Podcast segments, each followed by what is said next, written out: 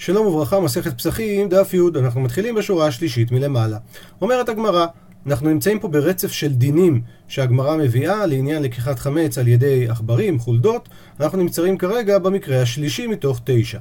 ציבור אחד של חמץ ולפניו שני בתים בדוקים. ועתה, ובא, עכבר, ושקל, ולקח מהחמץ, ולא ידינן, ואנחנו לא יודעים, אי להי על, אם לזה הוא נכנס, לבית הזה, אי להי על. אם הוא נכנס לבית השני. אומרת הגמרא, זה בדיוק המקרה, היינו שני שבילים, דתנן, ששנינו במסכת כתובות, שני שבילים, שאחד מהם הוא טמא ואחד מהם הוא טהור. מסביר רש"י, אחד הוא טמא דהיינו קבר מוטל בו לרוחבו, וממלא הקבר את כל רוחב השביל. לכן אין עובר בו שלא יאהיל ויהיה טמא משום טומאת מת. והלך באחד מהם, מהשבילים, ואז הוא עשה טהרות. דהיינו, אחרי שהוא הלך, הוא נגע בטהרות. ובא חברו והלך בשביל השני, וגם החבר הזה עשה טהרות, אז מה הדין? רבי יהודה אומר, אם נשאלו זה בפני עצמו וזה בפני עצמו, טהורים שניהם. ואם הם נשאלו בבת אחת, אז הם טמאים. לעומת זה, רבי יוסי אומר, בין כך ובין כך הם טמאים. מסביר רש"י, שלגבי השני אנחנו יודעים שבשביל שהלך הראשון לא הלך השני. אז אם ככה, ודאי אחד מהם צריך להיות טמא. אז רבי יהודה אומר, אם נשאלו כל אחד לחכם את הספק שלו בפני עצמו, אז הוא טהור. למה?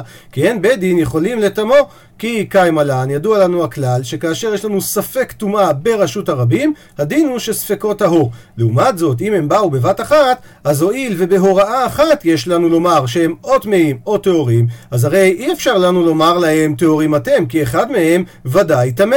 לעומת זה, רבי יוסי אומר שבין כך ובין כך הם טמאים. מסבירה הגמרא, אמר רבא ואי תימא ואם תאמר שאמר את זה רבי יוחנן. בבת אחת דברי הכל טמאים. כן, דהיינו, בין רבי יהודה בין רבי יוסי, אם הם באו בבת אחת להישאל, אז ודאי זה הוראה אחת והם טמאים. בזה אחר זה, אם השאלה שלהם היא אחד אחרי השני, אז בזה דברי הכל, דהיינו, גם לדעת רבי יהודה וגם לדעת רבי יוסי, הם יהיו טהורים. לא נחלקו במה הברייתא דיברה מחלוקת, אלא בבא להישאל עליו ועל חברו. שלפי רבי יוסי מדמי לי, הוא מדמה את הדבר הזה בבת אחת. ולעומת זה רבי יהודה מדמי לי לזה אחר זה. מסביר לנו רש"י, הם לא נחלקו בדין של בזה אחר זה, שאפילו שכל אחד אומר לפנינו, אנחנו אותם דיינים, כך היה המעשה שלי ושל חברי, אבל איני נשאל אלא על עצמי. אז מה תהא עליי? אז כל אחד מהם אנחנו אומרים לו שהוא טהור. מה קורה כשהוא נשאל עליו ועל חברו? מה תהא על שנינו, הוא שואל. אז רבי יוסי מדמה לו, הוא מדמה את זה לכמו שהם באים בבת אחת, אפילו שאין שניהם לפניך, צריך אתה לתת הוראה אחת לשניהם, או שהם טמאים או שאתם טהורים. אז אם ככה, אתה לא יכול להגיד טהורים אתם. לעומת זה, רבי יהודה מדמה לו לזה אחר זה. למה? הואיל ואין כאן שואל אלא אחד. אז אנחנו משובים לו בצורה כזאת של טהור אתה, שהרי ספק ביאהו. עד לפה אנחנו עונים לו, והוא מעצמו יבין שהש חברו כמוהו. אבל כששניהם שואלים תוך כדי דיבור, אז אתה צריך להשיב לשניהם כמו אחד. עכשיו, לגבי השאלה שדימינו את זה, לגבי בתים, אותו דבר.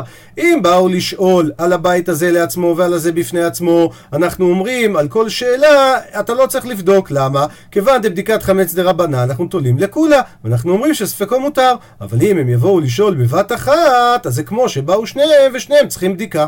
ממשיכה הגמרא למקרה הרביעי מתוך תשעת המקרים. ספק על, ספק לא על. דהיינו, העכבר עם החמץ, ספק הוא על, נכנס לבית, ספק הוא לא נכנס לבית.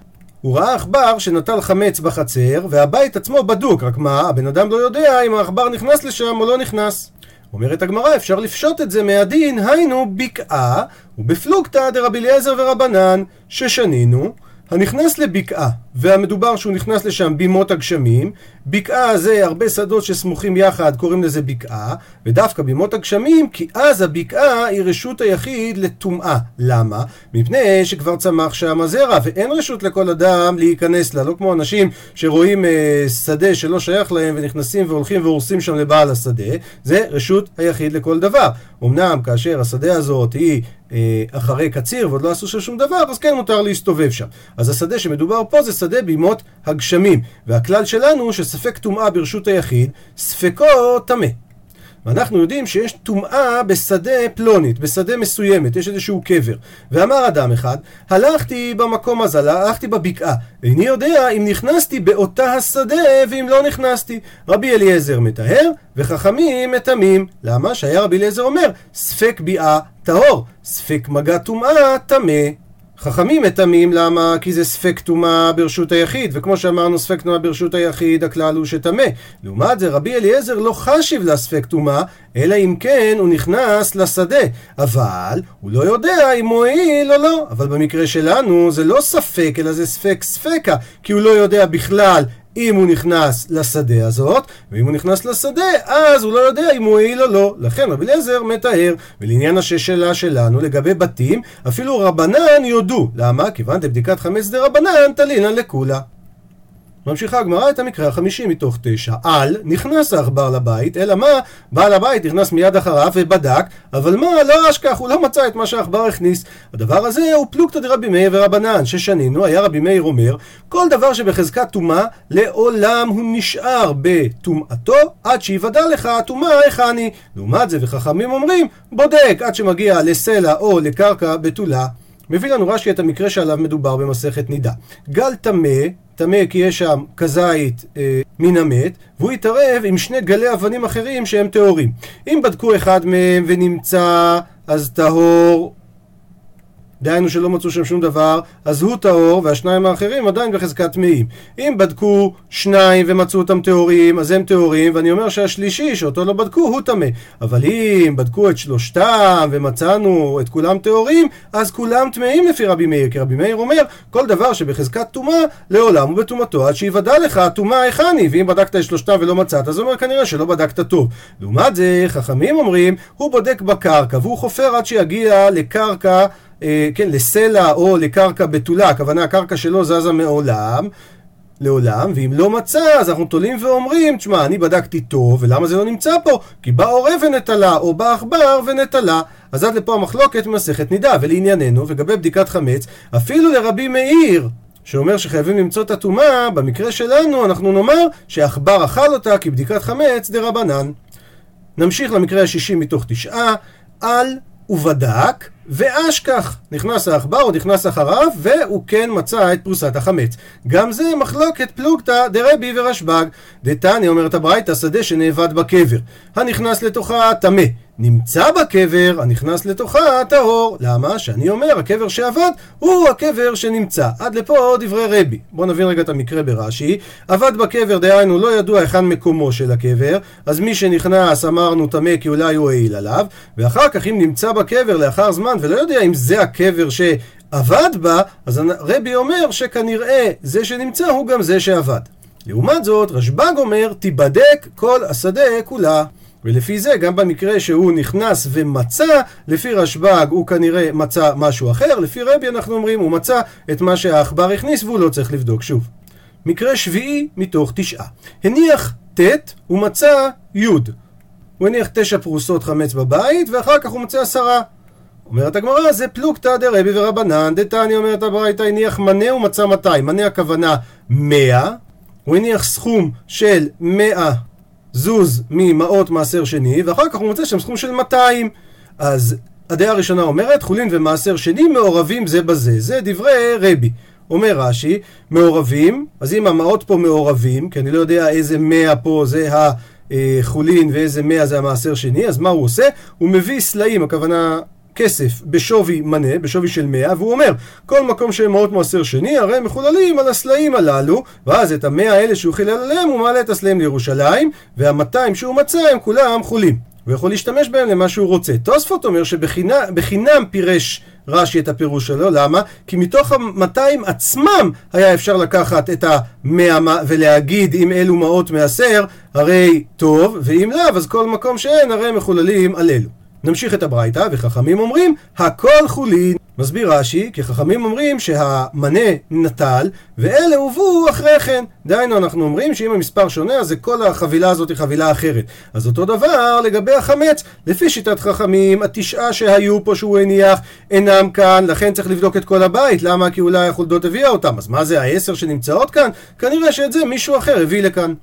המקרה השמיני מתוך תשעה הוא בדיוק ההפוך, הניח עשרה חתיכות של חמץ ומצא תשע, כמו שכבר אמרנו, לפעמים זה קורה לנו בבדיקת חמץ. היינו סיפה, זה בדיוק הסוף של הברייתא הקודמת, דתניא, מי שהניח 200 ומצא מנה, אז מנה מונח ומנה מוטל, דברי רבי. מסביר רש"י, המנה שנמצא זה בעצם אחד מהראשונים. אז אותו דבר גם לגבי החמץ, לא צריך לבדוק ולחזור, אלא רק על הפרוסה שהאבודה. לעומת זה, חכמים אומרים, הכל חולין. דהיינו, אם חסר לנו משהו, זה אומר שכל החבילה פה התחלפה, ולכן לחכמים צריך לחזר אחר כולם, כי אין כאן, אפילו מה שנמצא לפנינו זה מחבילה חדשה וזה לא אחד מהראשונים, אז שוב אתה צריך לעשות את כל הבדיקה כדי למצוא מחדש את כל העשרה. הפכנו דף. המקרה התשיעי והאחרון, הניח בזווית זו ומצא בזווית אחרת.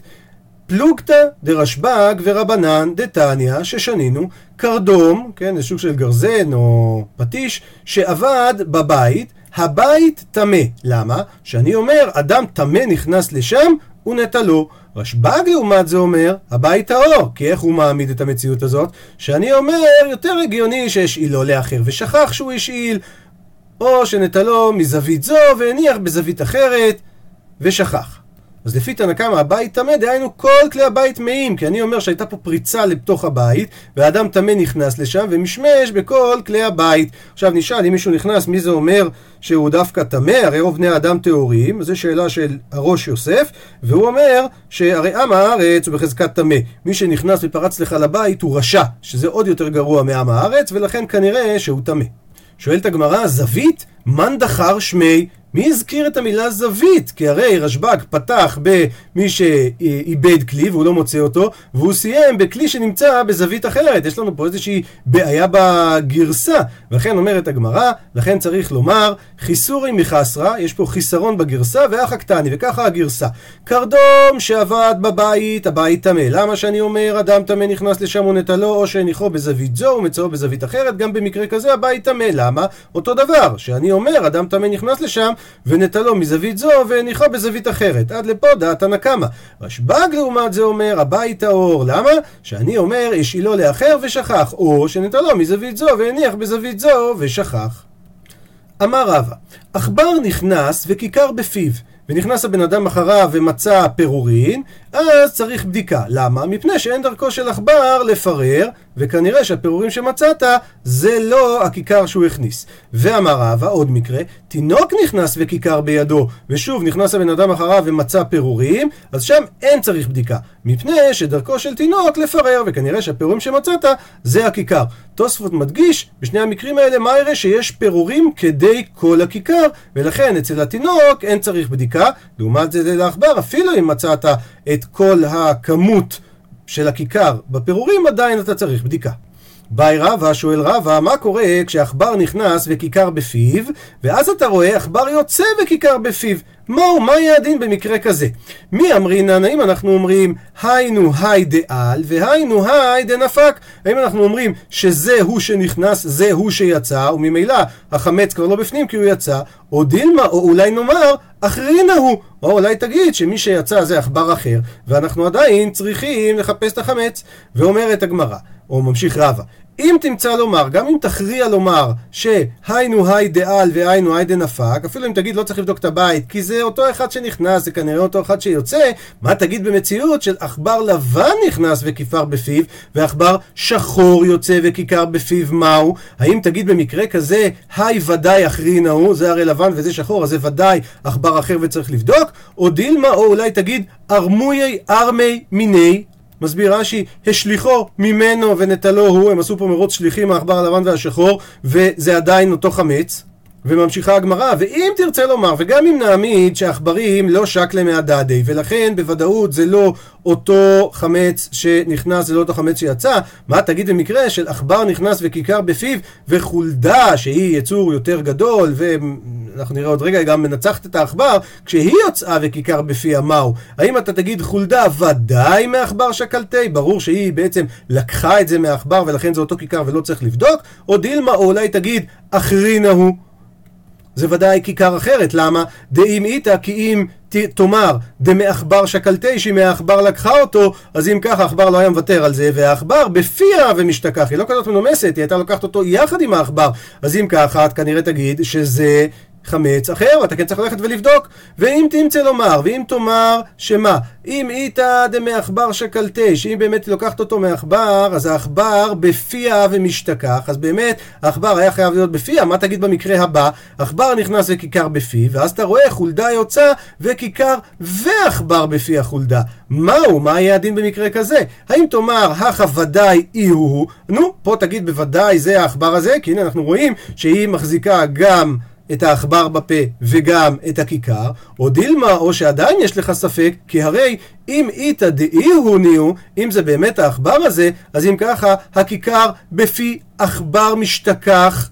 הוובה השתכוחי, העכבר שנמצא אצלה בפה, הוא זה שהיה צריך להחזיק את הכיכר בפה שלו, ולא היא מחזיקה את הכיכר, או דילמה, או נחזור לצד הראשון של הספק, שמשום ביעתותא הוא נפל, אולי כשהיא תפסה את העכבר נתנה לו ביס, אז זה נפל לו מהפה הכיכר, ואז היא שקלתי, ואז היא לקחה את הכיכר הזאת. אז תאמר שזה כן מדובר באותו כיכר, על כל ההסתפקות הגדולה הזאת נשארת הגמרא בתיקו, שיש כאלה שפותרים אותו ב... תשבי את ארץ קושיות ובעיות, חכה עד שאליהו הנביא יגיע. יש גם סלנג שאומר תשתוק, יש קושייה וזהו. בכל מקרה, זה שאלה שאין עליה תשובה. ממשיכה הגמרא, באי רבא, שאל רבא, כיכר בשמי קורה, צריך סולם להורידה או אין צריך סולם להורידה? למה? כי מה הספק? מי אמרינן, כן, מדובר שהקורה נמצאת על הגג למעלה במקום גבוה. האם אנחנו אומרים כולי היי כל כך הרבה לא אטרחו רבנן?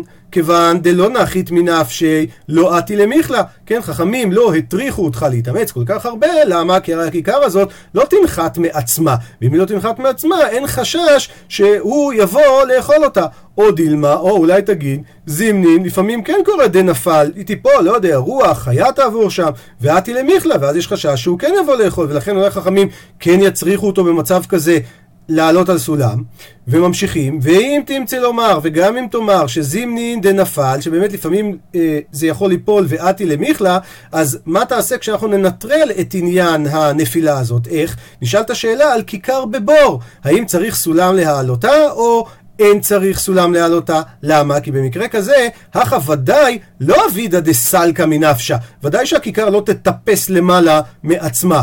או דילמה, או אולי תגיד שעדיין יש חשש, זימנין לפעמים דנחית למיבד צורכי, שהוא יורד לבור לעשות את צורכו, לשים שם דברים, או לקחת משם דברים, ואתי למיכלה, ושוב יש לנו חשש שהוא יבוא לאכול, ולכן חכמים כן יצריכו אותו במצב כזה לבדוק. ואם תמצא לומר שזימנין דנחית לצורכי ואייתי למיכלה, דהיינו, גם אם תפסוק שלפעמים הוא כן יורד שם וצריך לכן להתאמץ, מה תעשה במקרה שכיכר נמצאת בפי נחש? האם אנחנו צריכים חבר, דהיינו את הבן אדם שתופס את הנחשים והוא עולה כסף, אז האם צריך חבר להוציא את הכיכר הזאת מהנחש, או אין צריך להזמין את החבר הזה? למה? כי הספק הוא, האם בגופי אטרחו רבנן, אבל אולי בממוני לא אטרחו רבנן? דהיינו, הוא עצמו, לזה חכמים הטריחו אותו, תעלה, תרד מהסולם, אבל להוציא על זה כסף כדי להביא, לשכור חבר, לשכור את זה שיתפוס את הנחש, אולי לזה חכמים לא הטריחו אותו, או דילמה, או תגיד לא, חכמים גם את הדבר הזה יכריחו אותך, ולא שנה, ושוב הגמרא נשארת בתיקו. תוספות מאיר שפירוש הכא דווקא דשמא יוציאנה או יאכלנה, זאת אומרת יש לנו פה, זה מדבר על הנחש, אולי הנחש ייקח מפה את החמץ, או עצמו יבלע אותה, אבל איך דאיכא חמץ סתם ככה, ודאי אמרנו כבר קודם, בתחילת המסכת, דניחא ללאינש דליאבד מצווה בממוני, ודאי שבזה חכמים כן הצריכו אותו, אפילו שזה עולה לו כסף, וזה נוח לאדם לעשות מצווה בממונו. אומרת המשנה, רבי יהודה אומר בודקים בשלושה זמנים. אור י"ד, דהיינו בערב י"ד, ובי"ד שחרית, וגם בשעת הביאור. וחכמים אומרים, מי שלא בדק אור י"ד יבדוק בי"ד בבוקר, אם הוא לא בדק בי"ד אז הוא יבדוק בתוך המועד, ואם הוא לא בדק בתוך המועד, יבדוק לאחר המועד. ומה שמשייר יניחנו בצינה כדי שלא יהיה צריך בדיקה אחריו. רש"י מסביר את דברי חכמים שבתוך המועד הכוונה בשעה השישית שזה כבר מועד הביאור, כן, לא מועד חג אלא מועד הביאור, ואם הוא לא... לאחר המועד הכוונה משש שעות ולמעלה עד שתחשך, דהיינו עד שייכנס יום טוב. אומרת הגמרא, מה איתמה דרבי יהודה?